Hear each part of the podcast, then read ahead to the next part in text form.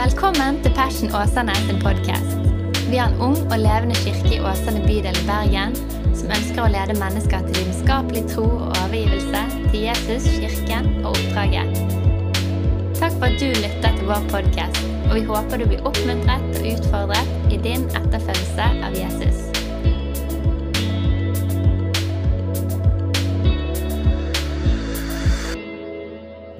Er jo i i den serien som vi er i nå, som heter Vi er.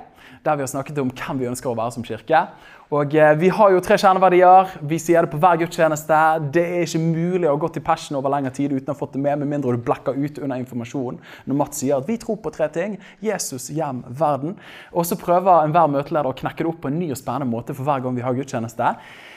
Det må jo bedømmes om vi gjøres det med suksess eller ikke. Men eh, målet er jo i hvert fall at vi aldri skal glemme disse verdiene. Men mer enn at når vi kommer til himmelen, så har Jesus en quiz på oss, og så skal vi kunne gjengi dem. Så er jo drømmen at disse verdiene skal kjennetegne livene våre. At vi skal leve liv som er orientert oppover mot Jesus. At vi lever vendt mot han. Jeg synes det var så fint når vi sang der 'Pris hans navn'. Gud, du er vår Gud. Hvilken bekjennelse. Gud, vi har lyst til å leve liv der du, Gud, du er vår Gud. Vendt mot Han, men òg hjem, vendt inn mot det kristne fellesskapet.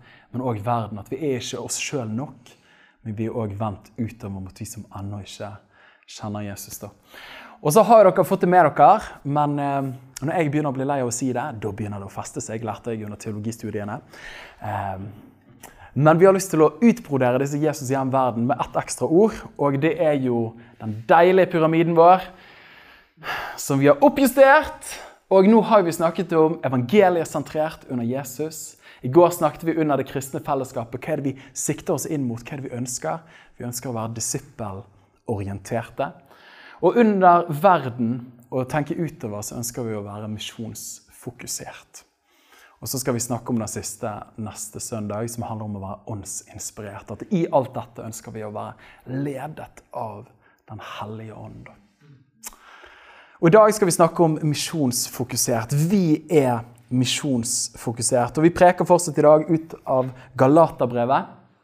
Og jeg må si at Når jeg har jobbet med disse fire ulike temaene og Det er jo litt sånn her, det er jo ikke sånn man egentlig skal gjøre det. Man skal jo egentlig gå til bibelteksten, så skal man se hva bibelteksten sier. Og så skal man komme på titlene på prekene. Men av og til så preker man tematisk, og da må man bare finne en bibeltekst som passer med det man har lyst til å si. Eh, men da er forhåpentligvis det du har lyst til å si, bibelsk. da. Eh, og det er det i dette tilfellet her. Men jeg tok et valg at jeg har lyst til å preke alle disse fire dimensjonene ut fra Galaterbrevet, som er et av favorittbrevene mine i Nytestamentet. Men det er en utfordring. Den vanskeligste preken har vært misjonsfokusert. For dette Galaterbrevet snakker ikke veldig mye eksplisitt om misjon. Men det finnes noen vers her og jeg tror at uh, Gud kan tale til oss gjennom disse versene her. Så dette skal vi ta og lese. Og Bakgrunnshistorien her er jo i det første kapitlet Så er jo det innvendinger mot Paulus sin virksomhet og sin tjeneste. Og det er to hovedinnvendinger. Det er budskapet han preker, og så er det tjenesten som han har. da. Så er det både his mission and his message. Og Han går i rette med det i det første kapittelet med en gang. Og Vi leser i det første kapittelet fra det ellevte verset. Der sier Paulus følgende. Han sier, Men jeg gjør kjent for dere, søsken, at det evangelium, altså budskapet, som ble forkynt av meg, ikke er fra noe menneske. For jeg har ikke mottatt det, heller ikke har jeg lært det fra noe menneske, men ved Jesu Kristi åpenbaring.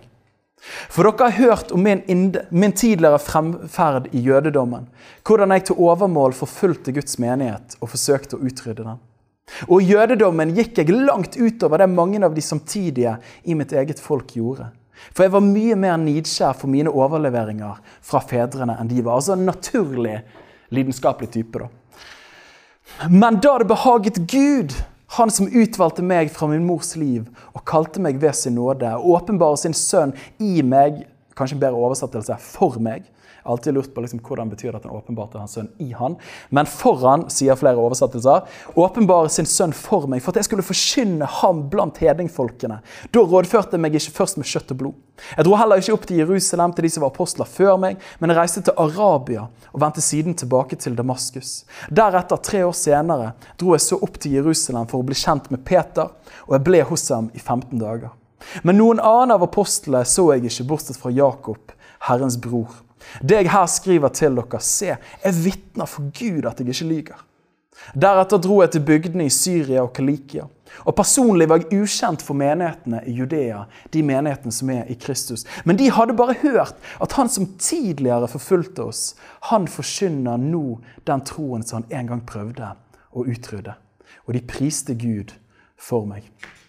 Jeg valgte å kalle de ordene vi skal snakke om i dag, for misjonsfokusert. Og jeg tror at ut av disse ordene som Paulus deler her, så taler han tonn om misjon og noe som angår oss i dag òg. Selv om det ikke var de enkleste misjonsversene å preke ut ifra. Men vi får se hvor bra det går. La oss ta og be en bønn. Jesus, hjelp meg. Og jeg ber her om at disse øyeblikkene, at du, at du taler til oss her på det som angår misjon, Gud. Jesus, du har et hjerte som er vendt utover. Når vi leser evangeliene, så ser vi at du alltid, du alltid er orientert mot de som ennå ikke kjenner deg her. De som ennå ikke har blitt berørt av Guds kjærlighet. Og ber Helligånd om at du la oss fordele ditt hjerte. Som enkeltmennesker, men også som menighet her. I ditt mektige navn. her. Amen. Amen. Du, For en del uker siden, jeg tror det var to-tre uker siden, så kunne vi lese i kristenpressen, for de av oss som abonnerer på den, om at det var en norsk delegasjon fra pinsebevegelsen i Norge som dro til Kongo. Og Kongo har jo vært et av liksom, hjertebarna til den norske pinsebevegelsen. Og historien var, og Grunnen til at det dro en delegasjon ned, var at det var 100 års jubileum siden de første pinsemisjonærene fra Norge dro ned til eh, Kongo. Og Bakgrunnshistorien der er at i 1922 så var det to norske misjonærer, Oddbjørg og Gunerius Tollefsen. Altså, det er et fint navn. Gunerius. Jeg og Helene vurderer det. Som i 1922 fikk tillatelse De fikk tillatelse av en lokal høvding i Kasiba til å bruke et myrområde med mye malaria til å starte virksomheten sin. Det er jo utrolig sterk historie. da. Altså, de liksom, Kan vi få lov til å drive misjon her nede? Yes, you can do mission. Eh, det er ikke sikkert han sa det sånn. Eh, liksom, på det sumpområdet der, masse malaria, der kan dere få lov til å begynne. Det kommer sikkert ikke til å gå bra, dere kommer til å dø, dere er hvite, dere er norske, dere har aldri sett sol før. Og Så går de ned der, og så begynner de å tjene trofast. og Nå kjenner ikke jeg historien deres altfor godt, men de begynte i 1922. Og nå feirer vi altså 100-årsjubileum. Og per dags dato så er det ingen norske misjonærer der nede lenger. da. Men det er jo helt rått, det som har skjedd på 100 år er at i løpet av disse årene her, så er det over 1000 store kirker som har blitt til i Kongo. Pinsebevegelsen i Kongo er nå 20 ganger større enn den norske pinsebevegelsen. så det er ganske kult. De er 1,2 millioner medlemmer. Og I tillegg så er en kvart million barn, altså 250 000, elever ved pinsebevegelsen sine skoler i Kongo. Det er jo ganske greit. da. Det drives rundt 130 helsestasjoner, 1300 skoler. Stort kvinnearbeid, og man sender ut egne misjonærer til andre afrikanske land. Dette er jo en suksesshistorie, en moderne misjonshistorie. Er ikke fantastisk? Dette er jo helt nydelig. Og Når jeg leser disse historiene, her, så begynner jeg å dirre av forventning. Bare tenker, Hva er det som skjer i Åsane om 100 år? liksom? Altså, Tenk Åsane. Det bor sikkert da 3 millioner i Åsane. Og liksom 1,7 millioner av de går på Passion sin grunnskole.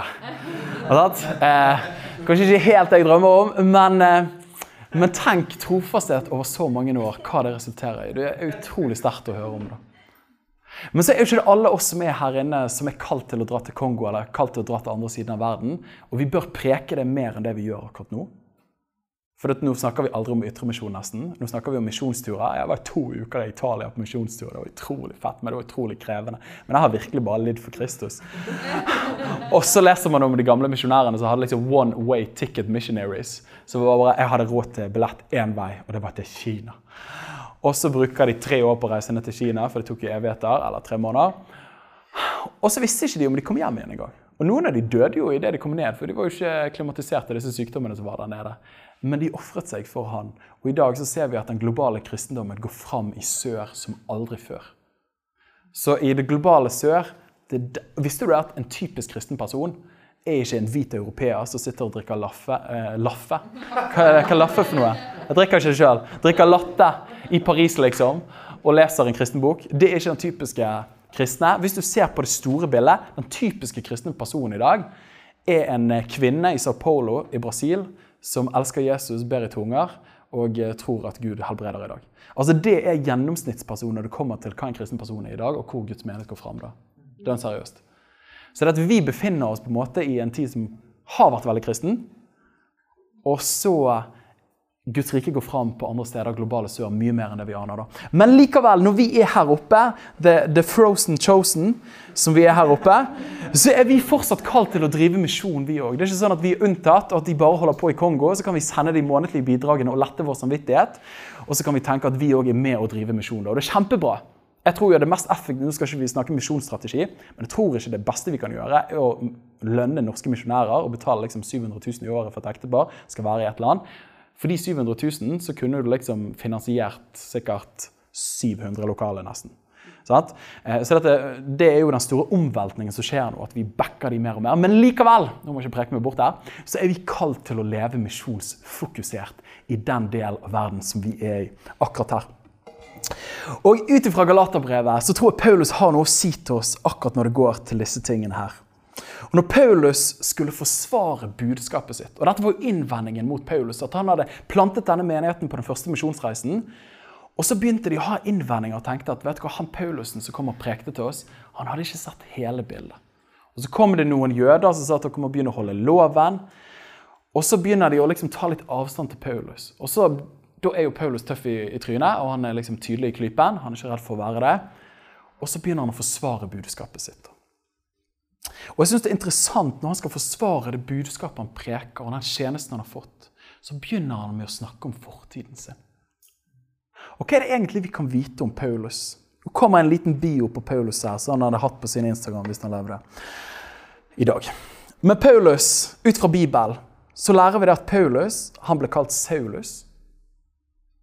Det var et jødisk navn. Men fra midten av Apostelens gjerninger, det 13. kapittel, så ble han kalt Paulus. Og Jeg vokste alltid opp med den fornemmelsen at Gud ga han et nytt navn. Akkurat som Simon ble kalt Peter. Fordi han fikk en ny hensikt. da. Men det stemmer faktisk ikke. da. Vi leser ikke om en beretning at Gud gir han et nytt navn. Men han heter Saulus fram til det 13. kapittelet, og så begynner de å omtale han som Paulus. Og Grunnen til det var mest sannsynlig at han hadde to navn. for det var veldig vanlig på den tiden der. Han hadde et jødisk navn, som var Saul. Og så hadde han et romersk navn, eller et latinsk navn, som var Paulus, og som han brukte. Og Det er jo særlig relevant, for han endte jo opp med å bli hedningenes apostel. Så da var det kjempenaturlig å bruke det greske, eller det, det som var vanlig i den romerske konteksten, altså var Paulus-navnet. Og Det er jo i Apostelens gjerninger 13 de drar ut på den første misjonsturen, og det er da de begynner å kalle han Paulus. Så det, det, vet vi om han, så Han hadde to navn, så han kunne bytte litt på når han følte for det. Han var jøde, lærer vi. Han kom fra den romerske byen Tarsus i Kilikia, som er i Sør-Tyrkia i dag. Og Derfor, siden det var en romersk provins, så hadde han romersk statsborgerskap pga. det. Han hadde vokst opp i Jerusalem da, likevel, og vokst opp som en disippel av den kjente jødiske fariseeren Gamaliel, som man kan lese om i annen litteratur, ikke bare i Apostelens gjerninger, var en av de store tenkerne på den tiden der. Og han var fariseer etter det strengeste partiet, så han fyren her, han lekte ikke. Og han var òg sønn av fariseer. Det betyr at han Altså, Veien for hans karriere var lagt. Så faren var òg en fariseer. Og Historikere anslår at han var født en gang mellom fem år før Kristus og fem år etter Jesus. Så det er jo vanskelig å slå fast. Av lynne, og det syns jeg er noe av det gøyeste, hvis vi skulle liksom malt lynne til Paulus, så virker han som en Altså, Han er jo en mann med mye følelser. Mye patos. Altså, Han virker som en mann med mye i. da. Og det står det om Paulus. sant? Han er lidenskapelig. Vi leste om det i går, Galaterne 3.1. Dere galatere, hvem er det som forhekset dere? Altså Han bare dirrer med frustrasjon mot dem. Hvem er det som forhekset dere? Men så er han òg den omsorgsfulle. Du leser Apostelens gjerninger 20. Når han skal si ha det til de eldste i Efesos for siste gang han ser dem. Så møtes de på strand og har badebesøk der. Og så kneler de ned. Og så sier han, eh, og så sier han dere vet at jeg holdt ikke opp verken dag eller natt og advarer dere med tårer. Så han er den lidenskapelige på den ene siden, men så er han òg denne veldig mykhjertede som gråter veldig mye òg. Nå begynner du å danne deg et bilde. Men så er han òg den uredde når det kommer til å konfrontere. Og Vi leser Apostelens gjerninger i det 13. kapittelet når de kommer til han Det var en, sånn her, eh, en høvding, og så har han en trollmann. Og så bare ser han på han, vet du. står det at han ble fylt av Den hellige ånd og sa skarpt til ham. Så sa han at han skulle bli blind, og så mistet han synet. Vi har ikke øvd helt på det her i Passion. Men så at han, han var, var ikke redd for å konfrontere. Men så er det òg fyren i andre korinterne i andre kapittelet som snakker om at han er kjent med angst og uro. Er du med meg? Altså, Hvilken sammensatt person vi snakker om her. Liksom Så confident i det ene øyeblikket, men så i neste øyeblikk gråter han. Og så i neste øyeblikk sånn utrolig lidenskapelig, og så sier han 'jeg er full av uro og angst'. Altså med andre ord, Han var et forholdsvis vanlig menneske, sånn som deg og meg. da. Men hvordan så han ut? Og Det gir jo ikke Bibelen. De sløser ikke sider og eh, Times New Roman-skrift på det. Men fra det andre århundret så har vi en bevitning i noe som heter Paulus' gjerninger. Det ble ikke tatt med i Bibelen, det er kanskje en grunn til det. Men historikere mener at det kan være noe sant i det. da. Og Der beskriver man Paulus som en mann av middels høyde, størrelse. Håret var lite. Og beina var litt skjeve, og knærne langt fra hverandre. altså med andre ord hjulbeint. Nå skal ikke jeg illustrere det. Han hadde store øyne, og øyenbrynene møttes. Og nesen var noe lang. Eh, det er jo litt morsomt. Ser du han for deg? Det er han fyren du bare tenker Og hvis han i tillegg liksom eh, ikke er redd for å konfrontere, og liksom, så hadde du gått på andre siden av gaten, kanskje. Men en forholdsvis vanlig type, og han Brown det var fatt på den tiden. sikkert. Um, men det kan stemme. Det står i 2. Korinterne 10, 10 så, så, sier de Han siterer. Han sier ja, for brevene, sier de, er nok myndige og sterke. Men når han er legemlig til stede, er han svak. Eller da ser han puslete ut. Og hans ord er ikke noe å bry seg om. Så dette, dette, er det vi får vite om Paulus. En kjapp bio av han. Altså, Dette er den han var. da. Men før vi kjenner Paulus som forkynneren, eller som menighetsplanteren eller som brevskriveren, så var jo Paulus forfølgeren av menigheten. Og Første gang vi møter Paulus, det er Apostelens gjerninger, det syvende kapittel. Og Der står det at der har vi nettopp lært Stefanus å kjenne, som en av de første diakonene i menigheten. Og Han klarer jo ikke å holde seg inne og dele ut mat til menigheten, så han går ut på torget og så begynner han å debutere og drive med apologitikk før man visste hva det var for noe. Og så står det at de drev han ut av byen og steinet han. Og vitnet la klærne sine ved føttene til en ung mann som het Saulus. Det er første gang vi møter Paulus, eller da Saulus, det var når Stefanus skulle bli steinet. Neste gang vi møter han, er to kapitler seinere, og det er det niende kapitlet. Og Der står det at Saulus på, der står det Saulus, som fremdeles fnyste av trusler og mord mot Herrens disipler. Altså seriøst, liksom. Det slo meg når jeg forberedte meg og bare leste opp på Paulus. Paulus var jo ikke en fyr som bare liksom hadde et litt sånn antagonistisk forhold til de kristne.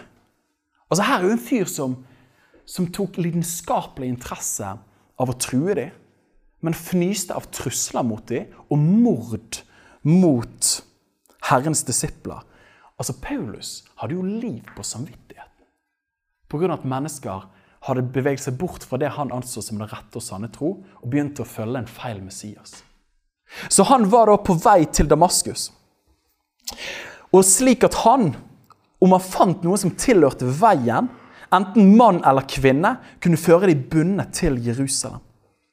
Og som vår tekst sier i dag, som vi leste, og han sier sjøl For dere har hørt om min tidligere framferd i jødedommen, hvordan jeg til overmål forfulgte Guds menighet og forsøkte å utrydde han. da. Dette er den Paulus vi kjenner. Vi får en kjapp sketsj av hvem han er. Men sånn vi først ble introdusert for han, så er jo han den fanatiske ekstremisten som holdt på med IS-holdningen før vi visste hvem de var. Altså, Han fyren her var jo ingen koselig type. Han så på det som en gudstjeneste å fange overbevise og drepe de kristne, som var en minoritet på den tiden i det jødiske samfunnet der. Og jeg synes Det er interessant når han skal forsvare sitt budskap til galaterne, så begynner han med å tale om sin fortid. Og Da er spørsmålet hva har dette her med misjon å gjøre? Og Det er det første jeg har lyst til å si her i dag. Det er ikke glem din fortid. Ikke glem din fortid. Og jeg synes det er interessant for at når han skulle liksom legitimere budskapet sitt og tjenesten sin, så kunne han snakket om veldig mye annet. Men det han velger å snakke om, det er å dra linjene til sånn livet hans var tidligere.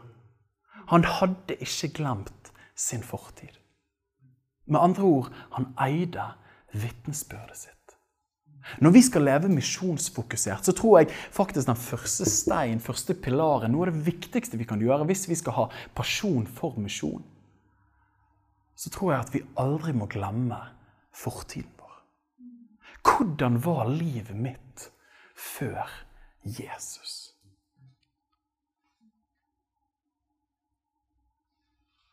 Og Du har sikkert hørt de fortellingene, og du har sikkert hørt disse trosforkynnerne, og jeg er jo en av de på en god dag. Men liksom andre korinterne 5.17 Den som er i Kristus, er en ny skapning. Det gamle er forbi, se, alt har blitt nytt. Og så er det akkurat som du fikk liksom amnesia, er det det heter, og du får bare hukommelsessvikt etter jeg tok imot Jesus. Jeg husker ingenting fra min fortid. liksom. Og så er det bare jeg fortsetter å si det til deg sjøl, du. Fortsett å si det til deg sjøl.' Og så later man som man ikke husker noen ting, for at alt har jo blitt nytt. Og det er jo helt sant. Det er jo den samme fyren som skriver det. Og da kan jo du begynne å stusse. Men Paulus, det var jo du som skrev at idet du begynte å, å følge Jesus, så ble jo alt nytt. Du skal jo ikke rippe opp i fortiden. Altså, Det er jo borte. Det finnes jo ikke mer. Og det er jo ikke det at han er uenig med seg sjøl. At i korinterne så tenker han annerledes, men i galaterne tenker han på en annen måte. Nei, nei, nei. Han forstår det at min fortid, det definerer ikke meg lenger. Men jeg har ikke råd til å glemme min fortid. For at fortiden min er jo kontrasten der Guds nåde kom inn i. Så hvis jeg glemmer min fortid, så glemmer jeg noe av den storheten som Gud Eller Vær med meg også at fortiden vår er jo rammene som Gud griper inn i. Og hvis vi later som at alt det svarte er borte, og nå er det bare lyst, så er jo det på en måte sant at fortiden definerer meg ikke lenger. Men hans lys blir jo ekstra tydelig i kontrast til min fortid. Så Hvis du leser brevene til Paulus, og når du leser når han argumenterer, så henviser han ofte til fortiden sin. Når han snakker i Timoteus-brevet, det første brevet, så sier han at dette er troverdig vitnesbyrd, et sant ord, at Kristus Jesus kommer inn i verden for å frelse syndere, og av dem er jeg den største. Ja, men, Jesus, nei, men Paulus, har ikke du lest at du er hellig? Det er jo det du kaller det, alle de andre. Nei, nei, nei, men han hadde ikke glemt hvem han var før Jesus. For han hadde ikke glemt sin fortid. Og Jeg tenkte på det når jeg forberedte meg, at Vårt fortid på sitt vakreste er jo når Jesus har fått lov til å lege det. Og så er det dette arret. Der at jeg husker tilbake. Men det er ikke ondt lenger. Det definerer meg ikke mer. Men jeg vil aldri glemme hva han frelste meg fra. For det var kontrasten som gjør at jeg ser hans nåde og hans godhet så mye mer. Og så kan det være at du tenker, og jeg vet at jeg kan tenke det, ja, men ok, noen av oss har jo ingen av de der tåredryppende fortidene. Vi har liksom vokst opp i et sånn norsk middelklasse hjem, og selv om vi ikke vokste opp med troen på Jesus, så har vi liksom hatt det greit alltid. Vi fikk se barne-TV, vi hadde Pokémon-kort, og mor og far slo ikke oss. liksom. Så dette når man liksom sier 'ikke glem fortiden din', ja, jeg vet nå egentlig ikke.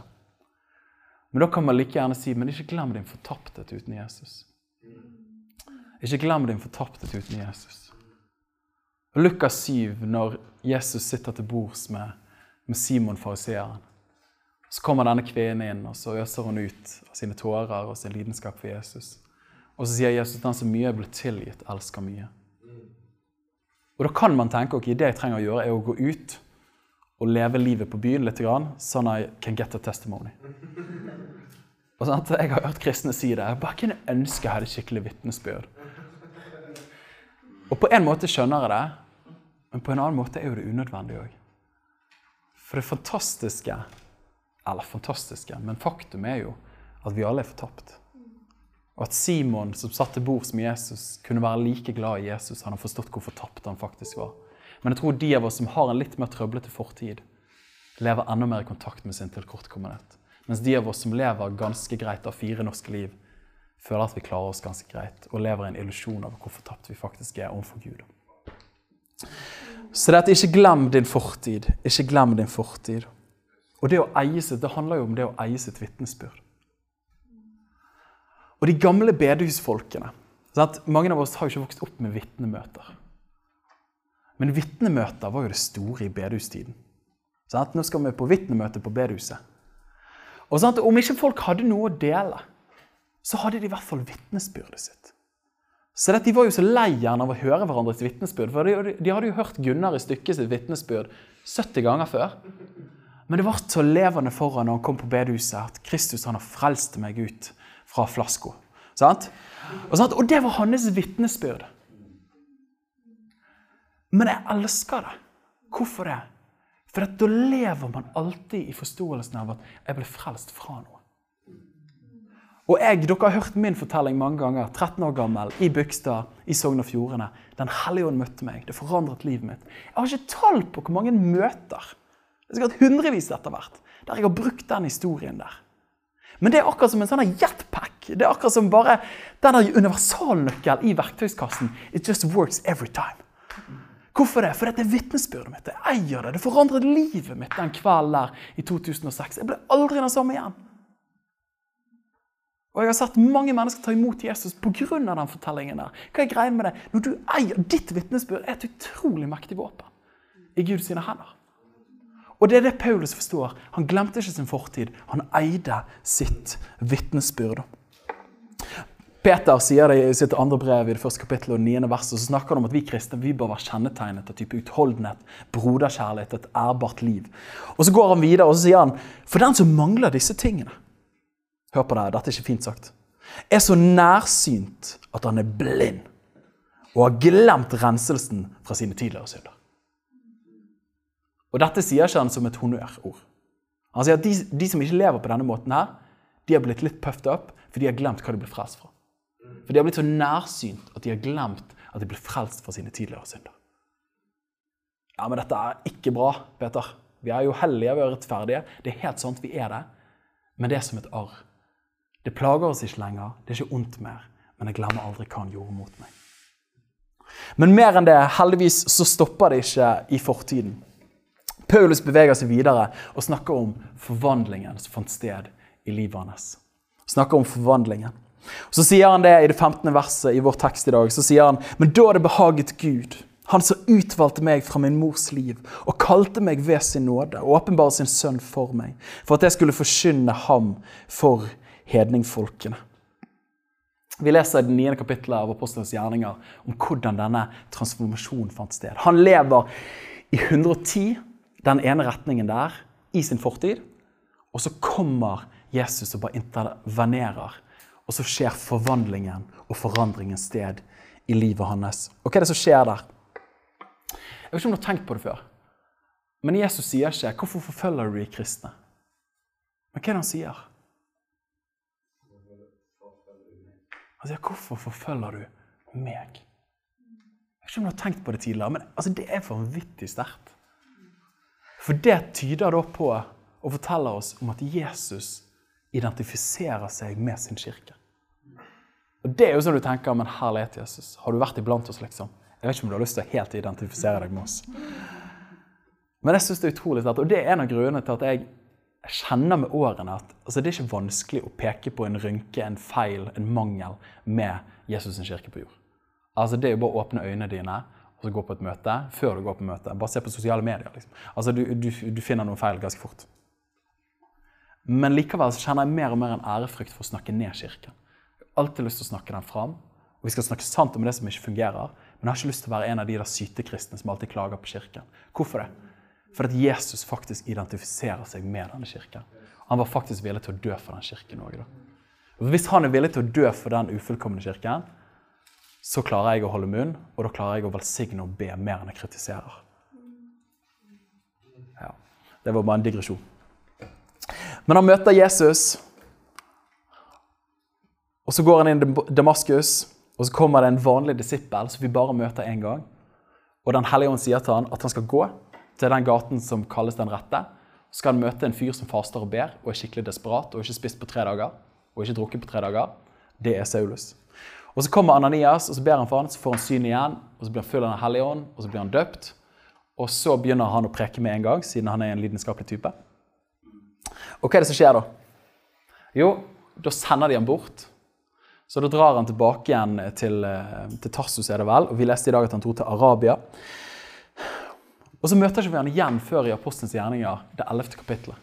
Og Da er det vekkelse i Antiokia, og da forstår eh, Barnabas at vi trenger å kalle han til seg. Og Så kommer han og hjelper de der i vekkelsen.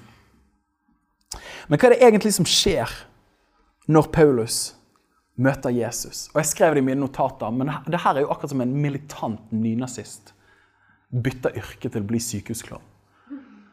Altså, De kunne jo ikke tenkt deg en mer radikal endring og forvandling som finner sted der. En som har dratt til Damaskus med myndighet fra de jødiske lederne til å fengsle og potensielt drepe kristne. Til å møte Jesus. Og I løpet av et par dager gå inn i den samme byen og bare si Folkens, dere vet jeg kom her for å liksom ta de folkene. Men det de sier, det er helt sant. Det er jo helt crazy. Folk må jo ha tenkt at her er det et eller annet som skurrer litt. og Derfor hadde de gjerne lyst til å ta livet av han. Men han hadde da møtt noe som var sterkere enn det han hadde tidligere. Han hadde møtt noe som var sterkere. Og Det tenker jeg for mitt eget liv og tenker for vårt liv. Jeg tror Skal vi ha det drivet til misjon, skal vi leve misjonsfokusert, så må den forvandlingen vi erfarer i dag, det livet vi lever i i dag, må være sterkere enn det vi hadde før Jesus. Og det tror jeg for min egen del, men òg for mange av oss som er troende. Jeg tror Noe av problemet vårt og utfordringen vår er at vi møter Jesus nok til at vi ikke holder på med helt det vi gjorde før. Og at vi fikk litt verdiendringer i livet. Men vi har gjerne ikke møtt han nok til at det setter fart framover. Har med meg? Så vi møter han nok til å liksom ikke løpe den veien, men liksom stoppe opp her og oppføre oss fint og få fine klær og få snippen på plass til søndag klokken 11.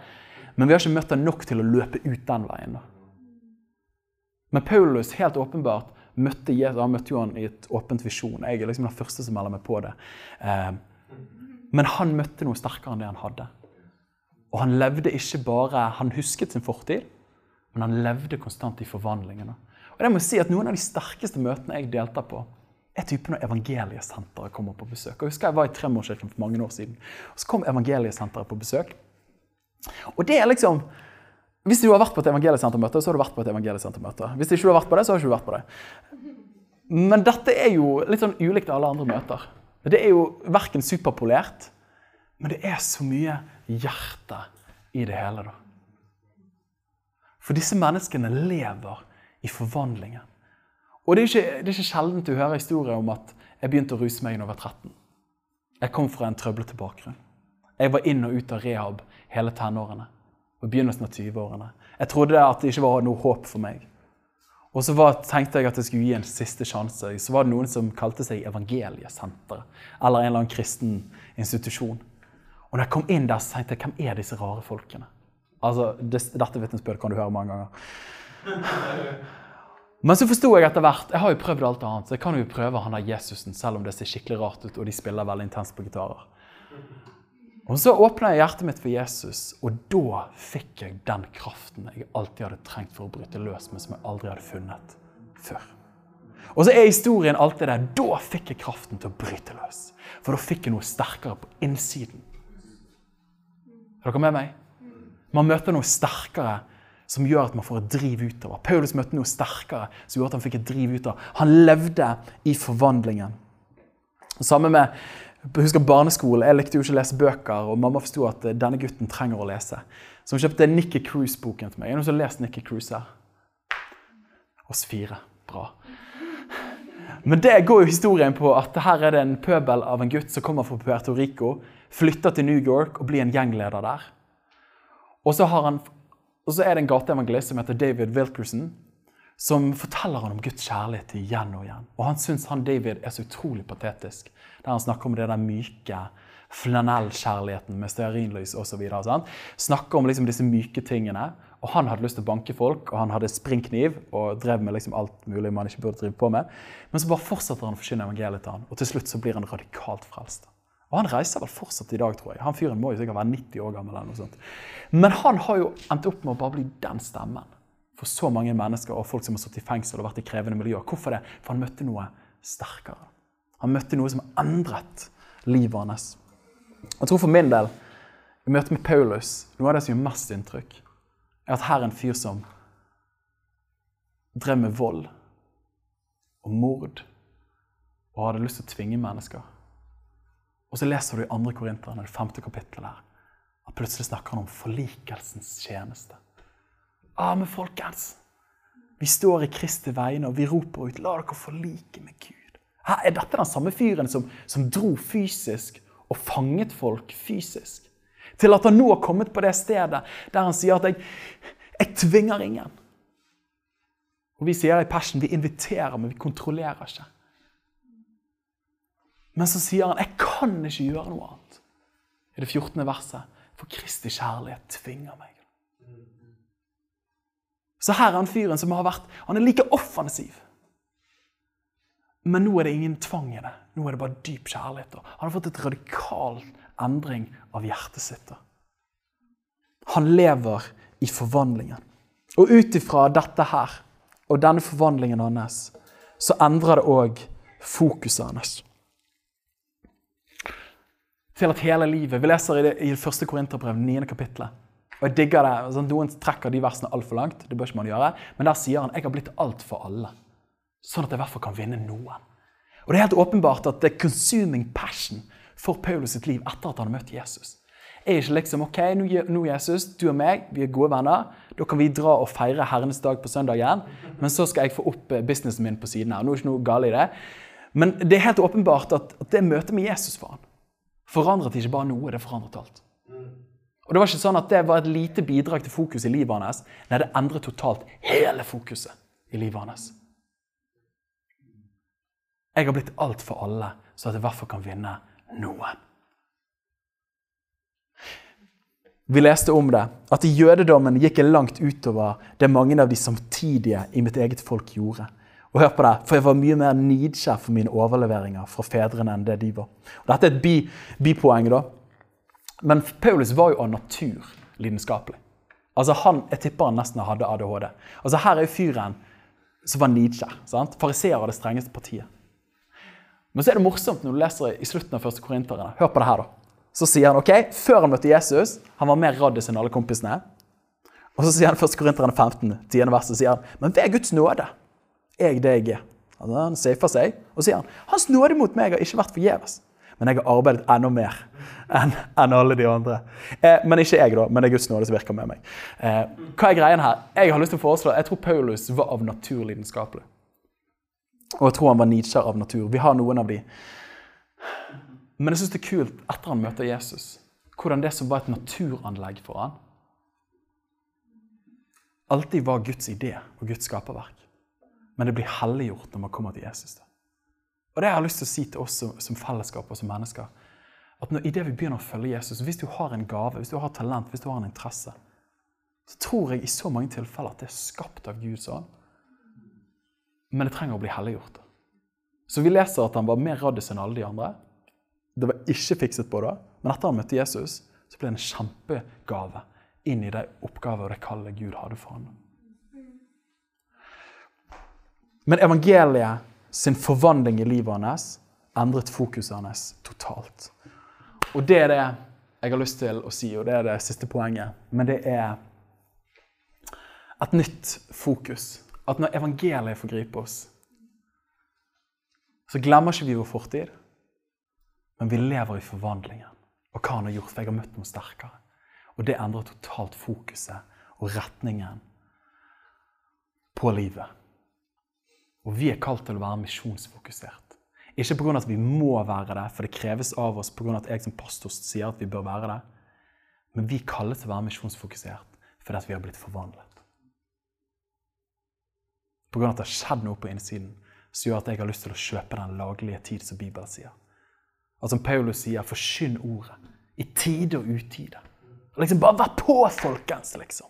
Grip den laglige tid. Grip muligheten når han byr seg. Vær på, for mennesker trenger å kjenne Jesus. Og når han snakker i romerbrevet i, i, Han snakker i romeren, er det niende kapittelet der. Han snakker om jødene. Og sier han kunne ønske jeg var forbannet bort fra Kristus. Og som jeg nå skriver med tårer, for at de skulle få kjenne han. Altså Hele fokuset har blitt forandret fordi han har blitt forvandlet. Og da, Hvordan ser misjon ut i livene våre? og Dette kunne vi snakket masse mer om. Silje snakket glitrende i dag tidlig om hvordan vi er kalt til å, å leve misjonalt på arbeidsplassen.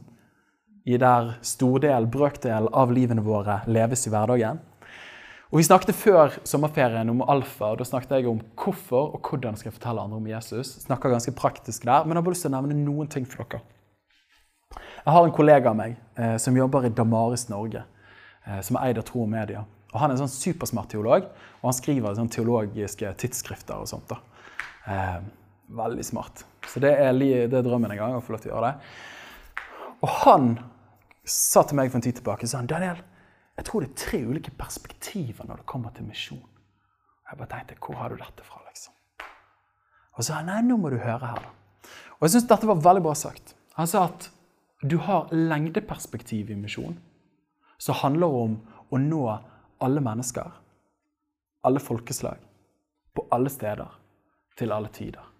Som er den klassiske misjonstilnærmingen. Vi drar til Kongo for sjeler må bli frelst. Og det er knallbra, og det er det Bibelen er mest eksplisitt på. Så det må vi aldri glemme. Men så sa han, så har vi òg breddeperspektivet for misjon. Så hvis lengdeperspektivet er nye mennesker, så er breddeperspektivet alle sfærene av samfunnet. Det var litt det vi snakket om før i dag. Og Man har sånne coinet begreper som The Seven Mountain Mandate osv. At, det- at man deler inn den menneskelige sivilisasjon i ulike sfærer. Og så sa han vi er kalt til å drive misjon i alle disse sfærene. Poeng, da. Og jeg vet det er litt seint, men, men vi er snart ferdige. Men hvis det bare er evangelium om at din sjel skal bli frelst, og en dag skal du dra til himmelen, så trenger vi bare lengdeperspektivet. Men hvis vi tror på det Jesus snakket om, å forkynne evangeliet om Guds rike, så innebefatter det mer enn bare sjelers frelse, men det innebefatter at en smak av himmel skal komme til jorden. Og Det ble nevnt før i dag òg, men Jesus sier han skal danne en ny himmel og en ny jord. Og Det ordet 'ny' på gresk der betyr ikke at han bosser det som har vært, for å skape noe helt nytt, men det betyr å radikalt fornye. Så det, altså Jeg er utrolig glad for det, for da kan jeg gå på Vestlandsfjellet i en ny himmel og ny jord uten å falle, og kan gjøre det hele tiden. Med mindre vi er nødt til å jobbe litt òg, sånn som du snakket om. Eh, men da kan, vi, da kan vi jobbe samtidig. Men hva er tingen? Jo, vi, trenger, vi er kalt til å drive misjon i alle sfærer av samfunnet. Og jeg, jeg tror det er så viktig, akkurat det der. For da er alle mann på dekk for Jesus. Da er alle mann Everyone gets to play. Og da er det ikke bare de få som er ekstra ekstrovert og har liksom helligånd-ADHD, og som alltid preker evangeliet på bussen til de andre. Det er ikke bare de som får lov til å holde på, men da har vi alle plutselig en plass ved å være med og gi en smak av det kommende riket allerede her og nå. Når du jobber som sykepleier, når du jobber som, på dagligvarekjeden, eller jobber som ingeniør, eller du jobber som biotekniker, eller hva enn du måtte jobbe som, så kan du få lov til å være med og ta Guds rike til det stedet. Men så sa han også, men det er òg et tredje perspektiv. Og det syns jeg var veldig spennende. Men han sa det er dybdeperspektivet når det kommer til misjon. Og det handler om å formidle evangeliets bedre fortelling og frigjørende kraft inn i de ulike kulturer sine verdier, ideer og verdenssyn. Og det er et litt sånn underprioritert eh, område.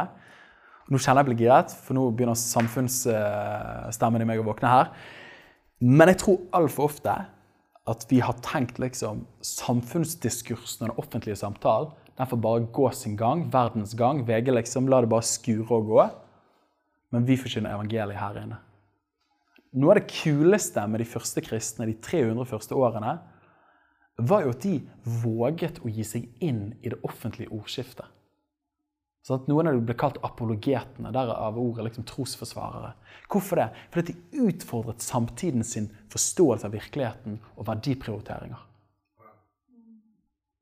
Av at det kristne budskapet ikke bare var gode nyheter om en sjels frelse en dag, men òg hvordan vi kan leve gode liv her og nå. da.